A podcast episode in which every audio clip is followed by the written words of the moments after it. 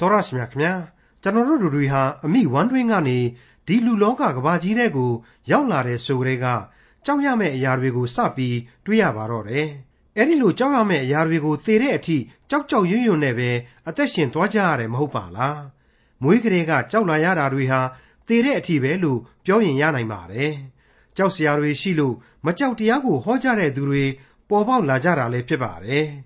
အစွန်းရောက်တဲ့မကြောက်တရားကြောင့်စီးလို့ဝါလို့ လူအတိုင်းဝိုင်းအဆောက်အုံတွေဖြစ်သွားမှာကိုစိုးရိမ်ကြပါပဲ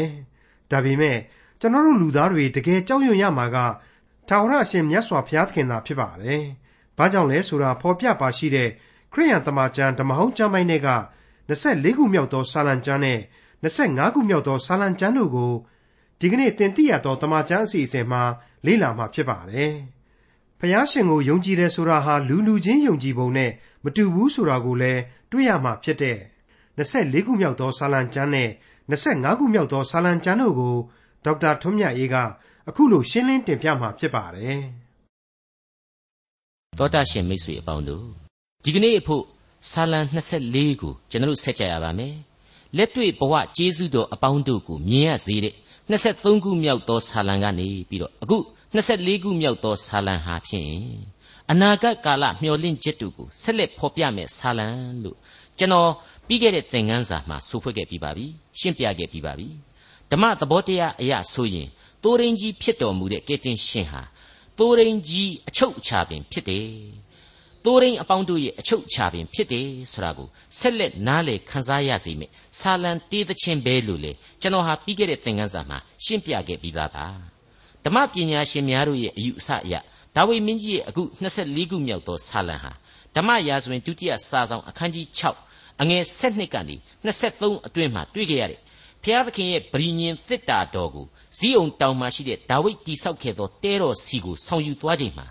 တီဆိုဖို့ဖွဲ့ဆိုခဲ့တဲ့ဆာလံဖြစ်တယ်လို့အများစုခံယူကြပါတယ်ဒီဆာလံတီချင်းကိုပဲအဲ့ဒီအချိန်မှာတပင်တိုင်းတီဆိုသူများကတိုင်ပေးပြီးတဲ့နောက်ပရိသတ်များကလိုက်ပြီးတော့ဆိုခဲ့ကြရဟန်ရှိတယ်လို့သမိုင်းပညာရှင်ဂျိုးစီဖတ်ဆိုတဲ့ပုဂ္ဂိုလ်ကြီးကဆိုထားပါတယ်သူ့ရဲ့အယူအဆပေါ့ လက်တွေ့မှာလေအဲ့ဒီ24ခုမြောက်သောဆာလံရဲ့အဖွဲအနှဲ့ဒီကိုလေ့လာရတာဟာလေအဲ့ဒီဂျိုးစီဖတ်ရဲ့အယူအဆမှန်ကန်မယ်လို့ပဲကျွန်တော်တွေးပါတယ်ဒီသမိုင်းနောက်ခံအကြောင်းတရားတွေကိုမိษွေတို့ကိုအသေးစိတ်စဉ်းစားခြင်းရင်စဉ်းစားနိုင်အောင်လို့ဓမ္မရာဇဝင်တဲကဒါဝိဒ်မင်းကြီးရဲ့ဇီးအောင်တောင်သို့မဟုတ်ဒါဝိဒ်ဤမြို့တော်စီကိုဒီပရိညင်တစ်တာတော်ကြီးကိုဆောင်ယူခြင်းအခမ်းအနားများအကြောင်းများကိုပြန်လဲဖတ်ရှုကြည့်ဖို့ရန်ကျွန်တော်ကတိုက်တွန်းအားပေးလိုပါတယ် ဓမ္မရာဇဝင်ဒုတိယစာဆောင်အခန်းကြီး6အငယ်7မှ23အတွင်းမှာဖြစ်ပါတယ်ကျွန်တော်အနေနဲ့ကတော့ဒါကိုနောက်ပြန်ဆုပ်ပြီးတော့အကျယ်တဝင့်အသေးစိတ်မနေတော့ပါဘူးဒါဝိမင်းကြီးရဲ့ခေတ်ကာလမှာအံ့ဩပွေပျော်ရွှင်ပွေဝမ်းမြောက်ဖွယ်အပေါင်းနဲ့ပြည့်ဝနေသောစိတ်နှလုံးသားများနဲ့တီဆိုခဲ့သောဆာလံတေးတပုတ်အဖြစ်သာလျှင်မိษွေတို့ကိုဆက်လက်တင်ပြသွားပါရစေအခု24ခုမြောက်သောဆာလံရဲ့အငယ်1နဲ့2တို့ဟာဖြင့်ပရိသတ်ကတညီတညွတ်တီဝိုင်းပြီးတော့တီဆိုလိုက်တာဖြစ်ပါတယ် ထာဝရဘုရားသည်မြေကြီးနှင့်မြေကြီးတစားကို၎င်းလောကရနှင့်လောကသားတို့ကို၎င်းပိုင်တော်မူ၏အကြောင်းမူကားထိုနေရာကိုသမုတ်တရားပေါ်မှာတည်၍ရေများပေါ်မှာမြဲမြံစေတော်မူပြီဒီမြေကြီးနဲ့ဒီကဘာဘုရားသခင်ပဲပိုင်နေတယ်ဒါကိုဒါဝိဒ်အထူးပြုလိုက်တယ်စိစိတွေးလိုက်ရင်ဒါဟာလူတိုင်းအဖို့ကြောက်เสียသစ္စာတရားကြီးဖြစ်နေပြီမဟုတ်ဘူးလားအရင်ရှင်စနစ်ကြီးတွေဗရေသရစ်စနစ်ကြီးတွေရုပ်ဝါဒကြီးတွေအာနာရှင်ကြီးတွေရှင်ဘရင်ကြီးတွေ အရှိအနောက်အုပ်စုခေါင်းဆောင်ကြီးတွေနျူကလ িয়ার အင်အားပိုင်ဆိုင်သူကြီးတွေအားလုံးကိုသတိပေးလိုက်ပြီဒီကဘာကြီးကိုဘုရားသခင်တပါးပဲပိုင်နေဘယ်သူမှမပိုင်ဘူးတဲ့ရှင်းရှင်းပဲဒါအပြင်ဟိုးလွန်ခဲ့တဲ့နှစ်ပေါင်း3000ကျော်ကပြီးချင်းသိပ်ပန်ဆရာတို့ညင်းနိုင်ကြမလားလို့ကျွန်တော်ကမေးချင်ပါတယ်သမုတ်တရားရေများကနေမှမြေကြီးကိုတီးစေတယ်မြဲမြံအောင်လေလှုပ်ပေးတယ်တဲ့အဲ့ဒါဟာဘသူတွေအတွက်လဲကျွန်တော်တို့အတွက်ပဲ ဒီနေရာမှာကဘာဦးကျမ်းအခန်းကြီး1ထဲကအချုပ်အစိတ်ပိုင်းတွေကိုပြန်ပြီးတော့မိษွေတို့သတိရစေခြင်းတဲ့အတွက်ကြောင့်ကျွန်တော်ဖတ်ရှုပြခြင်းပါတယ်ကဘာဦးကျမ်းအခန်းကြီး1အငယ်1ကနေ2ရယ်ကဘာဦးကျမ်းအခန်းကြီး1အငယ်9ကနေ73ရယ်ကိုတပေါင်းတစည်းတည်းဖတ်ပြပါရစေအစာဦး၌ဘုရားသခင်သည်ကောင်းကျင်နှင့်မြေကြီးကိုဖန်ဆင်းတော်မူ၏မြေကြီးသည်အစင်းတရံမရှိလွတ်လပ်လဟာဖြစ်၏နည်းနည်းရအရ၌မှောင်မိုက်ဖုံးလွှမ်း၍ဘုရားသခင်၏ဝိညာဉ်တော်သည် ရေမျက်နှာပြင်ပေါ်မှလှုပ်ရှားတော်မူ၏တဖန်ဘုရားသခင်ကမိုးကောင်းကင်အောက်၌ရှိသောရေစုဝေးစေကုန်းပေါ်စေဟုအမိန့်တော်ရှိသည့်အတိုင်းဖြစ်လေ၏ကုန်းကိုမြေဟုသောအမည်ဖြင့်၎င်းယေစုဝေးရာကိုပင်လယ်ဟုသောအမည်ဖြင့်၎င်းဘုရားသခင်ခေါ်ဝေါ်သမုတ်တော်မူ၍ထိုအမှုအရာကောင်းသည်ကိုဘုရားသခင်မြင်တော်မူ၏တပံဘုရားသခင်ကမြေသည်မြက်ပင်ကို၎င်းစဘာသည်ဖြစ်စေသောစဘာပင်ကို၎င်းမြေပေါ်မှမျိုးစိပါလျက် တစ်သီးမျိုးကိုဖြစ်စေသောတစ်ပင်ကို၎င်းပေါက်စေဟုအမိန့်တော်ရှိသည့်အတိုင်းဖြစ်လေ၏မြေသည်မြက်ပင်ကို၎င်းစဘာသီးမျိုးကိုဖြစ်စေသောစဘာပင်ကို၎င်းမိမိ၌မျိုးစိပါလျက်တစ်သီးမျိုးကိုဖြစ်စေသောတစ်ပင်ကို၎င်းပေါက်စေ၏ထိုအမှုအရာကောင်းသည်ကိုဘုရားသခင်မြင်တော်မူ၍ညဦးနှင့်နက်နက်သည်တတရနေ့ရက်ဖြစ်လေ၏ဟုတ်ပါတယ်မိတ်ဆွေတို့ရေကိုစုဝေးစီကုန်းကိုပေါ်စီတဲ့အမိန့်တော်နဲ့စီရင်ခြင်းမဟုတ်ဘူးလား အဲ့ဒါဟာသေခြင်းကနေရှင်ခြင်းကိုလေသက်သေတစ်ဖက်ကပြုနေတယ်ဒီကျေးဇူးတော်ဟာလူသားတို့အဖို့ဒီကနေ့အလိုအဆုံးသောအရာပဲဖြစ်ပါတယ်23ခုမြောက်သောဆာလံအငယ်3နဲ့4ကိုဆက်လက်ပြီးတော့ဖတ်ပြပါရစေဒါဟာတပင်တိုင်းဆိုသူတို့ကဥဆောင်တီဆိုခြင်းဖြစ်တယ်လို့ကျွန်တော်တို့ခံယူနိုင်ပါလိမ့်မယ်ထာဝရဘုရား၏တောင်တော်ပေါ်သို့အဘယ်သူသည်တက်ရမည်နည်းတန်ရှင်းရာဌာနတော်၌အဘယ်သူသည်ရက်နေရမည်နည်းဟုမူကားတန်ရှင်းသောလက်နှင့် ဖြူစင်သောနှလုံးရှိသောသူမှုသာကိုမမိဝဲမစိကပ်မမှန်သောကြိမ်ဆိုခြင်းကိုမပြုသောသူသည်တဲ့တန်ရှင်းခြင်းမရှိတဲ့လက်ဖြူစင်ခြင်းအရှင်းမရှိသောနှလုံးသားမှုသာဝါဒနဲ့မကင်းတဲ့လူမမှန်ကန်သောကြိမ်ဆိုမှုတွေကိုပြုတဲ့လူတွေအဖို့ထာဝရဘုရား၏တောင်တော်ပေါ်ကိုတက်ခွင့်အရှင်းမရှိနိုင်ဘူးဘုရားသခင်ရှိတဲ့တန်ရှင်းရာကောင်းကင်နိုင်ငံတော်အမွေကိုမခံရနိုင်ပါဘူးလို့ပြောင်းပြန်အတိတ်ဘယ်ကိုဖော်ပြနေခြင်းပါပဲ အဲ့ဒါဆိုရင်မိษွေတို့တေချာစဉ်းစားကြည့်ပါမိษွေအဲ့ဒီအရက်ကိုရောက်နိုင်ပါမလားကျွန်တော်ကတော့အဲ့ဒီအတိုင်းသာဆိုရင်ကိုဟာဘယ်လို့မှဘုရားသခင်စီကိုမရောက်နိုင်ဘူးလို့ယင်ထဲမှာခရက်ဆိုးဆိုးနင်းနေကြီးဖြစ်သွားမိပါလေဒါပေမဲ့ဓမ္မသစ်ကာလခရစ်တော်ရဲ့အသေးခံတော်မူခြင်းရှင်ပြန်ထမြောက်တော်မူခြင်းတို့ရှိနေသလိုရှေးကာလရဲ့ယုံကြည်ခြင်းတရားဆိုတာဟာရှိပြီးသားဖြစ်နေတယ်လူကမစွန့်နိုင်ပါဘူးဘုရားသခင်ရဲ့ကျေးဇူးနဲ့ဂရုနာတော်ကမဆပေးခြင်းအပြင် ဘုရားသခင်စီကိုလူသားတို့တက်လှမ်းနိုင်ခွင့်ရှိလိမ့်မယ်အခုဆက်လက်ပြီးတော့ဖတ်အောင်မယ်ဆိုရင်နားထွေးနိုင်တဲ့အတွက်ကြောင့်ပြီးခဲ့တဲ့အငယ်3မှစပြီးတော့အငယ်6အထိကိုပြန်လဲဖတ်ပြပါရစေထာဝရဘုရား၏တောင်တော်ပေါ်သို့အဘယ်သူသည်တက်ရမည်နည်းတန်ရှင်းရာဌာနတော်၌အဘယ်သူသည်ရပ်နေရမည်နည်းဟုမူကားတန်ရှင်းသောလက်နှင့်ဖြူစင်သောနှလုံးရှိသောသူမှုသာကိုမမိဝဲမစိကပ်မမှန်သောကြိမ်ဆိုခြင်းကိုမပြုသောသူသည်ထာဝရဘုရား၏လက်တော်မှကောင်းကြီးမင်္ဂလာကို၎င်း ကဲတင်တော်မူသောဘုရားသခင်၏လက်တော်မှဖြောင့်မတ်ခြင်းတရားကို၎င်းခံရလိမ့်မည်ထိုသူသည်ထာဝရဘုရားကိုရှာသောအမျိုးမျက်နာတော်ကိုရှာသောယာကုပ်အမျိုးဖြစ်သည်တပင်တိုင်းသီဆိုသူတို့ကိုဆက်ပြီးတော့ပြိဿတ်တွေကအားဖြည့်ပေးလိုက်တဲ့အခါမှာပြည့်စုံလုံလောက်တဲ့ပြီးချင်းတစ်ပုတ်ဖြစ်သွားရပါတယ်ဒီအချိန်ကာလဟာဣသရေလလူမျိုးတော်ရဲ့ဘုရားသခင်ကိုကိုးကွယ်ခြင်းအစီအစဉ်ဖြစ်ပါတယ်တခြားလူမျိုးတိုင်းတစ်ပါးသာမပါပါဘူး လူမျိုးတော်ကိုဘုရားသခင်စေခိုင်းခဲ့တဲ့ဝတ်ပြုခြင်းအစီအစဉ်တည်းရဲ့သဘောအတိုင်းလူမျိုးတော်ကိုသာဥတီဖွဲ့ဆိုထားခြင်းဖြစ်ပါတယ်အထက်ပါကြားရတဲ့အတိုင်းပဲအတိုင်းအဖောက်အတိုင်းပဲတပင်တိုင်းတီဆိုသူများနဲ့ပြိဿတ်တို့ဟာအခုလိုဆက်လက်တီဆိုလိုက်ကြပြန်ပါတယ်24ခုမြောက်သောဆာလံအငယ်9မှ10အချင်းတကားတို့တကမုတ်ကိုကြွလိုက်ကြအချင်းသာဝရတကားတို့ကိုကိုကြွလိုက်ကြ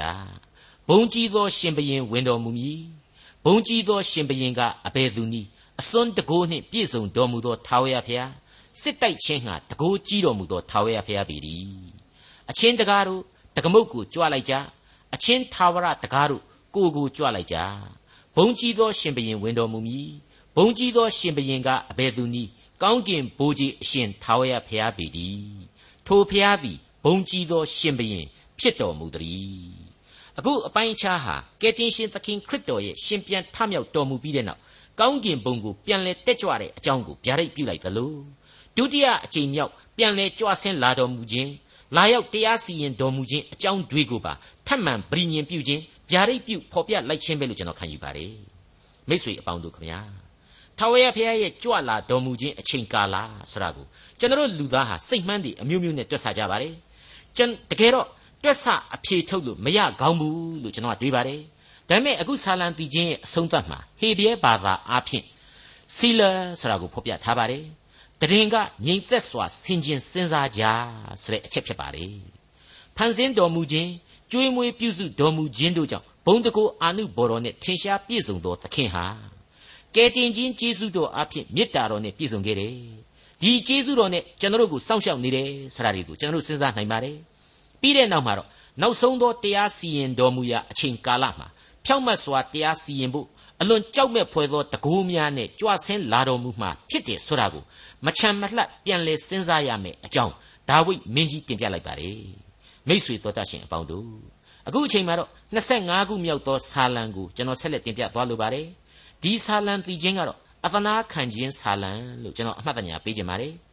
ဒီ25ခုမြောက်သောဆာလံကစပြီးတော့ 39ခုမြောက်သောဆာလံအထိဆာလံတည်ခြင်းအပေါင်းတို့ဟာဒါဝိဒ်မင်းကြီးရဲ့ဘဝအတွေ့အကြုံများကပ်ကာလတွင်ကြံကျွင်းသောဣသရေလလူမျိုးတော်များအဖို့ရင်ဆိုင်ရမယ့်ဒုက္ခအခက်အခဲများစတဲ့အကြောင်းတွေကိုရောပြွန်ဖော်ပြမယ့်ဆာလံကျမ်းများလို့လည်းဆိုနိုင်ပါလိမ့်မယ်အဓိကအားဖြင့်တော့ကယ်တင်ရှင်ရဲ့အကြောင်းကိုဗျာဒိတ်ပြုတ်သွားမယ့်အချက်တွေလည်းအများကြီးပါလိမ့်မယ်အဲ့ဒီလိုကျွန်တော်ကဆိုတော့ပြီးခဲ့တဲ့ဆာလံကျမ်းပေါင်းများစွာဟာလေဒီအတိုင်းပဲမယိုးမဆွဲဖြစ်နေတာပဲ ခမည်းရှင်းပြရတာနဲ့ပဲရှုပ်ကုန်ပြီလို့ဆိုနိုင်မယ်ထင်ပါတယ်ဒါပေမဲ့သေချာဝေဖန်ပိုင်းခြားကြည့်ရင်ပြီးခဲ့တဲ့ဆာလံအပေါင်းတို့ဟာဇက်လန်းဆန်ဆန်ဖော်ပြပြီးတော့စိတ်လှုပ်ရှားပွဲကောင်းတယ်အခုလာမဲ့ဆာလံအပေါင်းတို့ကြတော့ဆာလံဆရာရဲ့တူးချင်းချင်းကပ်တိုးဝှေ့တဲ့အသံအဖြစ်တိုးဝှေ့ခြင်းအသံအဖြစ်မသိမသာပြောင်းလဲသွားမှာကိုတွေ့ရမှာဖြစ်တယ်တီးတိုးညင်သာမှုရှိတယ်လို့ကျွန်တော်ဆိုချင်ပါတယ်ပုပ်ကိုရေးဆန်တဲ့ချင်းကပ်တိုးဝင်မှုလို့သတ်မှတ်ချင်ပါတယ် ဒီတက်ပို့ပြီးပြောရမယ်ဆိုရင်တော့ဖျားသခင်နဲ့ပို့ပြီးတော့နိကတ်စွာချင်းကပ်တဲ့အသံမျိုးအဖြစ်ဆာလံဆရာဒါဝိဒ်မင်းကြီးထံမှပြောင်းလဲထိတွေ့ကြရမှာဖြစ်တယ်လို့ကျွန်တော်ဆိုချင်ပါတယ်စတင်နားဆင်ကြည့်ကြပါစို့25ခုမြောက်သောဆာလံအငယ်1မှ4အိုးထာဝရဖျားကိုတော်ကိုအကျွန်ုပ်တသလျက်နေပါ၏အကျွန်ုပ်ဤဖျားသခင်ကိုတော်ကိုအကျွန်ုပ်ခိုလှုံသည်ဖြစ်၍ရှက်ကြောက်ခြင်းသို့မရောက်ပါစေနှင့် အကျွန်ုပ်ဤရန်သူတို့သည်အကျွန်ုပ်ကိုအောင်၍အောင်ပွဲကိုမခံပါစေနှင့်အကယ်စင်စစ်ကိုတော်ကိုမျှော်လင့်သောသူတို့သည်ရှက်ကြောက်ခြင်းသို့မရောက်ရကြပါအကြောင်းမရှိဘဲသစ္စာကိုဖျက်သောသူတို့သည်ရှက်ကြောက်ခြင်းသို့ရောက်ရကြပါလိမ့်မည်။အိုးထာဝရဖျားကိုတော်ဤလမ်းတို့ကိုအကျွန်ုပ်အားပြညွှန်၍ခရီးတော်တို့ကိုသွန်သင်တော်မူပါ။ဒုက္ခခံစားနေရတဲ့ဒါဝိဒ်ရဲ့ဒီအသံဟာပါဇက်ဖျားကအသံမဟုတ်ဝိညာဉ်အားဖြင့်တတ်သခြင်းပဲလို့ကျွန်တော်ဆိုချင်ပါတယ်။ ကကာလကုံဆုံးချိန်မှာယုံကြည်သူလူမျိုးတော်ဣသရေလတို့အဖို့လေဒီအတိုင်းပဲဘုရားသခင်ကိုတိုးဝင်ချင်းကပ်သွားကြရလိမ့်မယ်ဆိုတာကိုဖော်ညွှန်းသက်ပြီးတီးလိုက်တယ်လို့ကျွန်တော်ဆိုပြရစီဒီလိုပဲကျွန်တော်တို့မိษွေတို့ရဲ့အသက်တာတွေမှာကောမဖြစ်တတ်ဘူးလားဆိုတာကိုကျွန်တော်တို့တွေးဆနိုင်ပါတယ်ဆင်ခြင်နိုင်ပါတယ်ကျွန်တော်တို့မှာကြံတိုင်းလဲမအောင်ဆောင်းတိုင်းလဲမမြောက်တတ်ကြပါဘူးအရာရာကိုကြောက်ရွံ့နေရတဲ့ဂန္ဓများများစွာကိုကြုံရစမြဲလူသားများဖြစ်တယ်ဆိုရင်မမှားပါဘူး ပုံတရံအတိအကျကျွန်တော်မဖော်ပြောနိုင်တဲ့လောကရန်ဆင်းရဲခြင်းတွေဟာအမျိုးမျိုးပါပဲရန်သူများသစ္စာဖျက်သူများတဲ့ဒါဟာဒါဝိဒ်ရဲ့ဘဝမှာအကြိမ်ကြိမ်ကြုံဆုံရတဲ့အချက်တွေပဲဆိုတာကိုဓမ္မရာဇဝင်မှာစာတင်ခဲ့ပါကြောင်းကိုကျွန်တော်တို့အမှတ်ရကြပါအသားတွေကလောက်ထွက်မှုတွေကိုလူမျိုးကိုယ်တိုင်ကကိုယ့်ကိုပြန်ပြီးတော့ရောက်တွန်းတာတွေစသည်စသဖြင့်ဒါဝိဒ်ခံစားခဲ့ရတဲ့ရန်သူတွေတစ္ဆာဖျက်သူတွေဟာအမျိုးမျိုးပဲဖြစ်ပါတယ်ဒီတော့ ဒါဝိဒ်မင်းကြီးရဲ့အသက်တာနဲ့ရှင်ပြီးတော့သုံးသပ်လိုက်မယ်ဆိုရင်လောကီဆန်တဲ့ဆုတောင်းတန်တစ်ခုလို့ခံယူနိုင်ပါတယ်ဒါပေမဲ့သူဟာဘုရားသခင်ကိုအဓိကတောင်းပန်လိုက်တာကတော့လမ်းတို့ကိုပြညွှန်ဖို့နဲ့ခရီးတော်တို့ကိုသွန်သင်ဖို့ဆိုတဲ့အချက်ပဲဖြစ်လာပါတယ်မိษွေတော်တတ်ရှင်အပေါင်းတို့ခမညာကျွန်တော်ရှေ့မှာအမြဲတမ်းလမ်းနှစ်ခုဟာအပြိုင်ရှိစမြဲပါပဲကျွန်တော်ပြောနေကြအတိုင်းပြန်ပြောရရင်တော့အသက်လမ်းနဲ့အပြည့်လမ်းပေါ့ဇာတိပဂရိလမ်းနဲ့ဘုရားသခင်ကိုယုံကြည်ခြင်းအပြင်ရှောက်သွားရာ ဝိညာဉ်ပဂရိလမ်းစဉ်လမ်းစဉ်ကြီးနှစ်ခုဟာအပြိုင်တည်ရှိနေခြင်းဖြစ်ပါတယ်သုတ်တန်ကျမ်းအခန်းကြီး14အငယ်၁၂မှာဆိုရင်ကျွန်တော်အာဂုံဆောင်ထားတဲ့အဆုံးအမတစ်ခုကိုရှောလမုန်မင်းဟာအခုလိုဖော်ပြထားပါတယ်လူထင်သည်အတိုင်းမှန်သောလက္ခဏာရှိတော်လေအဆုံး၌သေခြင်းသို့ပို့သောလမ်းတစ်မျိုးရှိ၏ဆိုတဲ့အချက်ပါမိတ်ဆွေအပေါင်းတို့ဆာလံဆရာဒါဝိဒ်မင်းကြီးဟာထင်တိုင်းကျဲခဲ့တဲ့အပြစ်တွေအများကြီးကိုကျူးလွန်မိခဲ့ကြောင်းကျွန်တော်မငြင်းနိုင်ပါဘူး ဓမ္မရာဇဝင်တွေထဲမှာတွေ့ခဲ့ရပြီးသားပါဒါမဲ့သူဟာနောင်တများစွာနဲ့ဘုရားသခင်ပေးရအပြစ်ဒဏ်အလုံးစုံတို့ကိုခေါင်းငုံခံယူခဲ့ယုံတယ်မကသေးပဲနဲ့ယုံကြည်ခြင်းအသက်တာရဲ့နှောင်းပိုင်းမှာထင်ရှားတဲ့ဝိညာဏလူသားကြီးတယောက်အဖြစ်ပြည်ပြင်းစွာရှင်သန်သွားခဲ့တယ်လို့ကျွန်တော်ဝေဖန်နေပါတယ်ဟုတ်ပါတယ်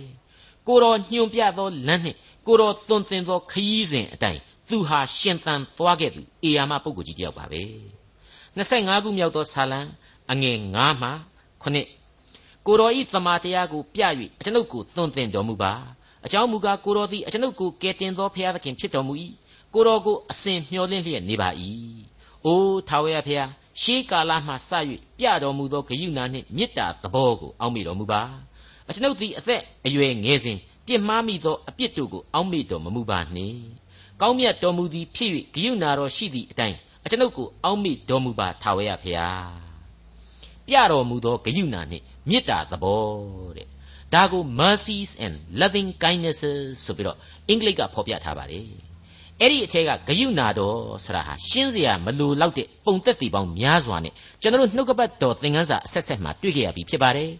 loving kindness ဆိုတဲ့မေတ္တာနဲ့ကျင်နာခြင်းရောပြုံးနေတာကိုတော့အတော်ကြီးကြားရခဲ့တဲ့ဝေါ်ဟာရလို့ကျွန်တော်ဒီနေရာမှာသတ်မှတ်ချင်ပါတယ်ဒါဟာလင်္ကာယမြောက်တဲ့ဖော်ပြချက်ဖြစ်တယ်လို့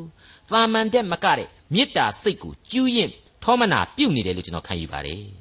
မတောင်းမီကပင်နားညောင်းတော်မူတတ်သောဘုရားသခင်ဖြစ်တယ်ဆိုတဲ့အလွန်အံ့ဩဖွယ်ကောင်းလှတဲ့မေတ္တာတရားကိုနားလည်စေတယ်လို့ကျွန်တော်ဆိုပြရစီမိษွေအပေါင်းတို့ဒါဝိမင်းကြီးဆက်လက်အသနာခံလိုက်တာကတော့ငယ်ရွယ်စဉ်ပြစ်မှားမိသောအပြစ်များကိုခွင့်လွှတ်ပါကောင်းမြတ်သောဘုရားသခင်ဂယုဏတော်အရှင်ဖြစ်ပါ၍အပြစ်အလုံးစုံတို့ကိုဖြေလွှတ်တော်မူပါတယ်မိษွေဟာဘယ်အရက်ဘယ်ဒီသမှာဘယ်လိုအခြေအနေတွေနဲ့ရင်ဆိုင်နေရတယ် မိษွေဟာလူကောင်းတယောက်မှဟုတ်ရဲ့လားလူဆိုးကြီးများဖြစ်နေမလားစသဖြင့်ကျွန်တော်ဘာမှမသိပါဘူးဒါပေမဲ့ဆာလံဆရာရဲ့ဆုတောင်းသံမျိုးအတိုင်းမိษွေဆုတောင်းနိုင်တယ်ဆိုတာကတော့ကျွန်တော်ရဲရဲကြီးအာမခံနိုင်ပါတယ်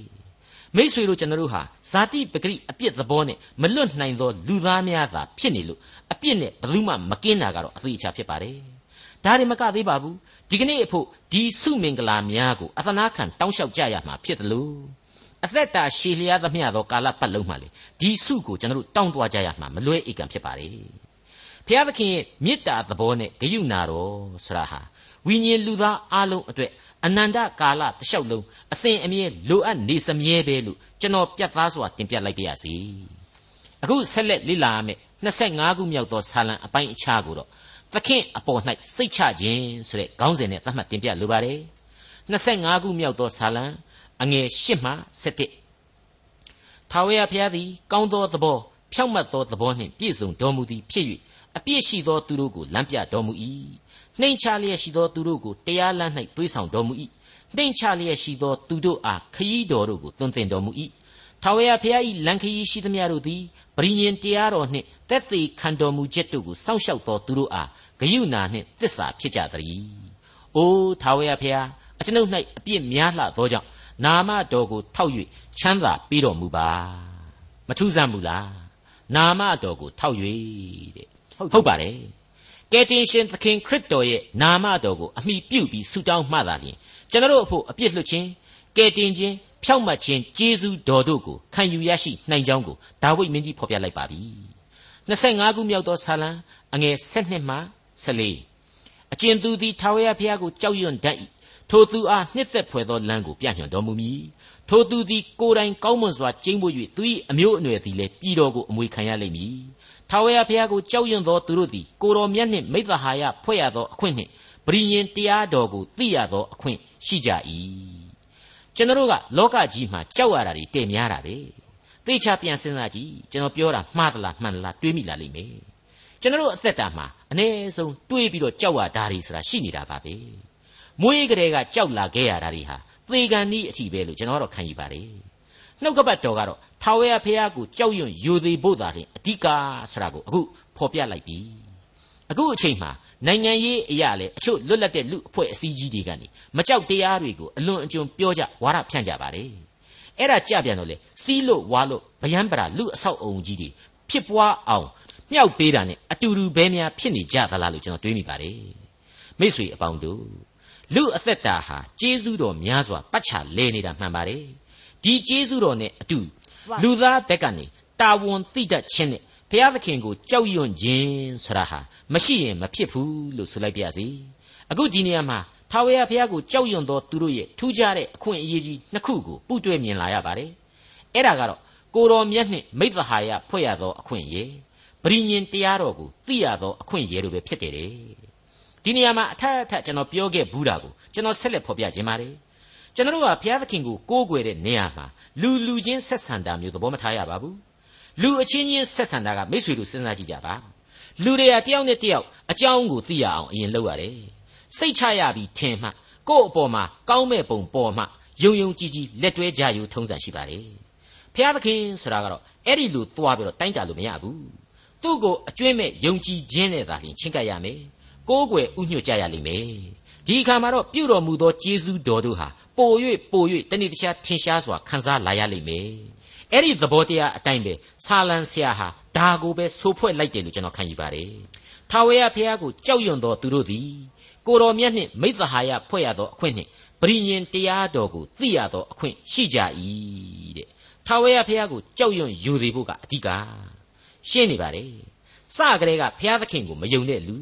သမာကျမ်းစာကိုလည်းဖတ်ရောသူ့အဖို့ရှုံချစရာတွေမခံယူနိုင်တာတွေရွဲ့ထိုးထိုးပြောခြင်းစရာတွေပုတ်ခတ်စော်ကားခြင်းစရာတွေကိုကြည့်သူတွေ့ရလိမ့်မယ်အဲ့ဒီလိုလူမျိုးအဖို့လေနှုတ်ကပတ်တော်ဟာသူ့ရှိမှမိကွက်ဖြစ်တယ်ဆိုတာတော့မငြင်းနိုင်ဘူးဒါပေမဲ့အဲ့ဒီမိခွက်နဲ့နှုတ်ကပတ်တော်ကိုသူကိုယ်တိုင်ဟာမိရှုပြစ်တဲ့ဘဝအထိကြပြောင်းကြပြန်နေဖြစ်ကုန်လိမ့်မယ်အခုအပိုင်းကိုတော့ဒုက္ခနဲ့ဒုက္ခဆိုပြီးတော့ခေါင်းစဉ်ပေးရင်းနဲ့25ခုမြောက်သောဆာလံကိုကျွန်တော်ဆက်လက်တင်ပြသွားခြင်းပါတယ် အငယ်15မှ18အကျွန်ုပ်သည်ထာဝရဘုရားကိုအစဉ်မျှော်လင့်လျက်နေပါ၏အကြောင်းမူကားအကျွန်ုပ်၏ခြေကိုကြော့ကွင်းတဲကနှုတ်ယူတော်မူမည်အကျွန်ုပ်သည်တယောက်ထီးကြံကျွင်း၍နှိမ့်ချခြင်းကိုခံရသောကြောင့်အကျွန်ုပ်ကိုမျက်နှာပြု၍ကယ်မသနာတော်မူပါအကျွန်ုပ်စိတ်နှလုံးဆင်းရဲသည်ကိုချမ်းသာပေး၍အမှုများတဲ့ကကယ်နှုတ်တော်မူပါမိษွေအပေါင်းတို့ခမညာဒီအပိုင်းဟာကပ်ကာလအတွင်း ယုံကြည်ခြင်းရှိသူဣသရေလတို့ရဲ့ဆုတောင်းတန်နဲ့အတူသူတို့ကိုဘုရားသခင်ကယ်တင်တော်မူမဲ့အကြောင်းကိုကြိုတင်ဗျာဒိတ်ပြုလိုက်တဲ့အပိုင်းပဲလို့ကျွန်တော်ဆိုချင်ပါတယ်ကပ်ကာလအချိန်ဒုက္ခဆင်းရဲတွင်မှာယုံကြည်သူဣသရေလလူမျိုးတော်အစိတ်အပိုင်းဟာဒုက္ခတွေအမျိုးမျိုးခံစားရအောင်မယ်ဒီကြားထဲကမှဘုရားသခင်ကယ်တင်တော်မူမယ်ဆိုတဲ့အချက်ကိုကျွန်တော်တို့ယုံကြည်လျက်ရှိနေပါတယ်အငယ်၁၈အကျွန်ုပ်တိမ်ချခြင်းနှင့်ပူပန်ခြင်းကိုကြည့်ရှု၍ အကျွန်ုပ်အပြစ်ရှိသမျှတို့ကိုလွတ်တော်မူပါဒီဆာလံတည်ခြင်းအစိတ်အပိုင်းတွေဟာဒုက္ခဆင်းရဲခြင်းနဲ့နှိမ်ချမှုဆိုတာကိုဒွန်တွဲဖော်ပြနေတယ်ဆိုတာကိုမိษွေတို့သတိရစေကြပါလေဟုတ်ပါတယ်ငါကြတော့ဒုက္ခကြီးပဲလှိမ့်ပြီးရောက်နေရတယ်လောကကြီးတစ်ခုလုံးမတရားဘူးဆိုတဲ့စိတ်ဓာတ်မျိုးကိုဘုရားသခင်မကြိုက်ပါဘူးအဲ့ဒီစိတ်ဓာတ်မျိုးကိုယောဘစီမှာတွေ့ကြရသလိုမိမိရဲ့ကောင်းမြတ်စုံလင်ခြင်းအပေါ်မှာလူသားတို့ရဲ့မနှောသဘောဆရာဟာ ဒီအတိုင်းပဲဖြစ်ပေါ်တတ်ကြောင်းကိုလေယောဘဝတ္ထုအားဖြင့်ကျွန်တော်တို့သင်ခန်းစာယူခဲ့ကြပြီးပါပြီအမှန်တော့ဘုရားသခင်တောင်းဆိုတာဟာလူသားရဲ့အကျင့်သီလမဟုတ်တလို့ရစ်ကောင်တဲ့စီဥများကိုတရှဲရှဲမိရှုပူဇော်ခြင်းလည်းမဟုတ်ပါဘူးနှိမ်ချသောစိတ်နှလုံးနောင်တနဲ့ကြိုးပဲ့ကြေးမွားခြင်းစိတ်သဘောတို့ကိုသာလျှင်ဘုရားသခင်တောင်းဆိုခဲ့ပါတယ်ဒီနေရာမှာရှောလူဘယင်စီကိုရှမွေလသွားပြီးတော့ပြောခဲ့တဲ့စကားသံကိုပြန်ပြီးတော့အမှတ်ရစေခြင်းပါတယ် ဓမ္မရာဇဝင်ပထမစာဆောင်အခန်းကြီး15အငယ်22မှာဒါကိုအခုလိုတွေ့ရပါတယ်ရှမွေလကလည်းထာဝရဘုရား၏အမိန့်တော်ကိုနားထောင်ခြင်း၌အာရတော်မူတဲ့ကဲ့သို့မိရှုရာရစ်အစရှိသောရစ်မျိုးတို့ကိုပူဇော်ခြင်း၌အာရတော်မူမည်လောအလိုတော်သို့လိုက်ခြင်းသည်ရစ်မျိုးတဲ့သာ၍ကောင်း၏နားထောင်ခြင်းသည်တိုးရီစီဥတဲ့သာ၍ကောင်း၏ညင်းဆန်သောသဘောသည်နတ်ဆိုးနှင့်ပေါင်းခြင်းကဲ့သို့၎င်း ခိုင်မာသောသဘောသည်ဘေးရင်တစားကိုသုံးခြင်းကဲ့သို့၎င်းအပြစ်ကြီး၏သင်သည်ထာဝရဘုရား၏စကားတော်ကိုပယ်သောကြောင့်ထာဝရဘုရားသည်ရှင်ဘရင်အရာကိုနှုတ်၍သင်ကိုပယ်တော်မူပြီတဲ့အဲ့ဒါဟာဘုရားသခင်အမိန့်တော်ကိုညှင်းဆန်ပြီးတော့အဲ့ဒီအပြစ်ကိုရစ်ပူဇော်လိုက်ရင်ပြီးရောဆိုတဲ့ရှောလူဘရင်အတွက်ရှမွေလရဲ့အဆုံးအမပဲမိတ်ဆွေအပေါင်းတို့နှုတ်ကပတ်တော်အဆုံးအမအပေါင်းတို့ဟာ အချိန်ကာလနဲ့အခြေအနေအရရပေါ်မှာမူတည်ပြီးတော့ကျွန်တော်တို့အတွက်အမြဲလေးနဲ့တဲ့အတိတ်ပဲများကိုဆောင်ကျဉ်နေပါတယ်အချို့အပိုင်းတွေမှာတရသေးဆွဲယူလို့မရပါဘူးဆက်ဆက်သောကြမ်းပြိုင်များကိုပါရှင်တွဲလေ့လာပြီးတော့မှအဖြေထုတ်ယူမှပြည့်စုံမှန်ကန်နိုင်မှာဖြစ်ပါတယ်ကျွန်တော်ကအခုလိုဒါဝိမင်းကြီးရဲ့ကျွန်တော်ရဲ့နှိမ့်ချခြင်းနဲ့ပူပန်ခြင်းကိုကြည့်ရှုပြီးတော့ကျွန်တော်ရဲ့အပြစ်တွေကိုခွင့်လွှတ်တော်မူပါဆိုတာကိုဖတ်ရတော့ကျွန်တော်တို့လူတ attva များဟာကိုယ့်အပြစ်တွေကိုမိုးမွန်အောင်ကျူးလွန်တတ်တဲ့တ attva တွေဖြစ်ပေမေ အဲ့ဒီလောက်အပြစ်ရှိခြင်းကိုကိုယ့်ဖာသာကိုဝန်မခံနိုင်လောက်အောင်ပဲရှိတတ်တယ်ဝန်ခံနိုင်ပြီဆိုပြန်တော့လေအခုဖော်ပြလိုက်တယ်လို့ကိုယ့်အပြစ်တွေအတွက်ကိုယ့်ဟာကိုပြန်ပြီးတော့ပူပန်နိုင်ကြရဲ့လားနောင်တနဲ့ကြေကွဲစွာနှိမ့်ချနိုင်ခြင်းရှိလာနိုင်ရဲ့လားဆိုတာတွေကိုဆက်ဆက်တွေးခေါ်မိပါတယ်မိတ်ဆွေအပေါင်းတို့ခမညာအခုဒီလိုသာဒါဝိမင်းကြီးပမာကို့အပြစ်ကိုကိုသိတယ်ပူပန်ခြင်းရှိတယ်နှိမ့်ချခြင်းတို့လည်းအမှန်ရှိကြမယ်ဆိုရင်တော့ အဲ့ဒီအသက်တာဟာဘုရားသခင်နဲ့များစွာမဝေးနိုင်တော့ဘူးဘုရားသခင်ကလည်းသေချာပေါက်ကောင်းကြီးပေးလိမ့်မယ်လို့ခံယူမိပါတယ်25ခုမြောက်သောဆာလံအငယ်16မှ22အကျွန်ုပ်၏ရန်သူတို့သည်များပြားကြောင်းနှင့်အကျွန်ုပ်ကိုပြင်းစွာမုန်းထားကြောင်းကိုဆင်ကျင်တော်မူပါအကျွန်ုပ်အသက်ကိုစောင့်ရှောက်၍အကျွန်ုပ်ကိုကယ်တင်တော်မူပါအကျွန်ုပ်သည်ကိုတော်ကိုခိုးလှုံပါသည်ဖြစ်၍ရှက်ကြောက်ခြင်းသို့မရောက်ပါစေနှင့် ကိုတော်ကိုမျှော်လင့်လျက်နေပါသည်ဖြစ်၍အပြစ်ကင်းခြင်းနှင့်သဘောဖြောင့်ခြင်းသည်အကျွန်ုပ်ကိုစောင့်ရှောက်ပါစေသော။အိုဖျားသခင်ဣသရေလအမျိုးကိုခတ်သိမ်းသောဒုက္ခအထက်ကရွေးနှုတ်တော်မူပါ။အကျွန်ုပ်ကိုရန်သူတွေဟာများပြားစွာဝိုင်းရံပြီးတော့အကျွန်ုပ်ကိုပြင်းစွာမုန်းတယ်ဆရာဟာဒါဝိဒ်ရဲ့လက်တွေ့ဘဝဖြစ်စဉ်ရဲ့အမှန်တရားပါ။ဒီအချက်ကိုသမိုင်းနောက်ခံအပေါင်းဟာလေတညီတညွတ်တီသက်စီပြနေတယ်လို့ကျွန်တော်ဆိုချင်ပါတယ်။ဒီကျမ်းပိုင်းရဲ့အဓိကအနှစ်သာရကတော့ အကျွန်ုပ်အသက်ကိုစောင့်ရှောက်၍ကယ်တင်ရန်ဆိုတဲ့ဆုတောင်းခြင်းပဲဖြစ်ပါတယ်။ကိုတော်ကိုခိုလုံသည်ဖြစ်၍ရှက်ကြောက်ခြင်းသို့မရောက်ရန်ဆိုတဲ့အချက်ပဲဖြစ်ပါတယ်။ဒီဆုတောင်းခြင်းတွေဟာမပြည့်စုံစရာအကြောင်းဘာများရှိနိုင်သလဲ။မဖြစ်နိုင်စရာအကြောင်းကိုဘာများရှိသလဲလို့ကျွန်တော်မေးချင်ပါတယ်။ကားတိုင်းတော်ပေါ်မှာသူ့အသက်ကိုပေးခဲ့ခြင်းဟာကျွန်တော်ရဲ့အသက်ကိုစောင့်ရှောက်ဖို့ဆိုတာကိုကျွန်တော်သိပြီးဖြစ်တယ်လို့ကားတိုင်းတော်ပေါ်မှာရှက်ကြောက်ဖွယ်ကောင်းလာတဲ့ဝေဒနာများစွာတို့ကိုခံယူခဲ့ခြင်းဟာ ကျွန်တော်ကိုရှက်ကြောက်ခြင်းမှကာကွယ်ရန်နဲ့ကျွန်တော်ကိုအပြစ်တရားမှလွတ်မြောက်ရန်ပဲဖြစ်ကြောင်းကိုကျွန်တော်သိခဲ့ရပြီးပါပြီ။ဒီလောက်အထိရှင်းလင်းနေတဲ့ဘုရားသခင်ရဲ့ကျေးဇူးနဲ့ဂရုနာတော်ကိုတန်တရားအရှင်းမပွားပဲယုံကြည်ခြင်းခွန်အားများနဲ့အသက်တာရဲ့အောင်ပွဲများကိုဆွတ်လန်းနိုင်ကြပါစေကြောင်းလေးနဲ့စွာဆုတောင်းလိုက်ပါရစေ။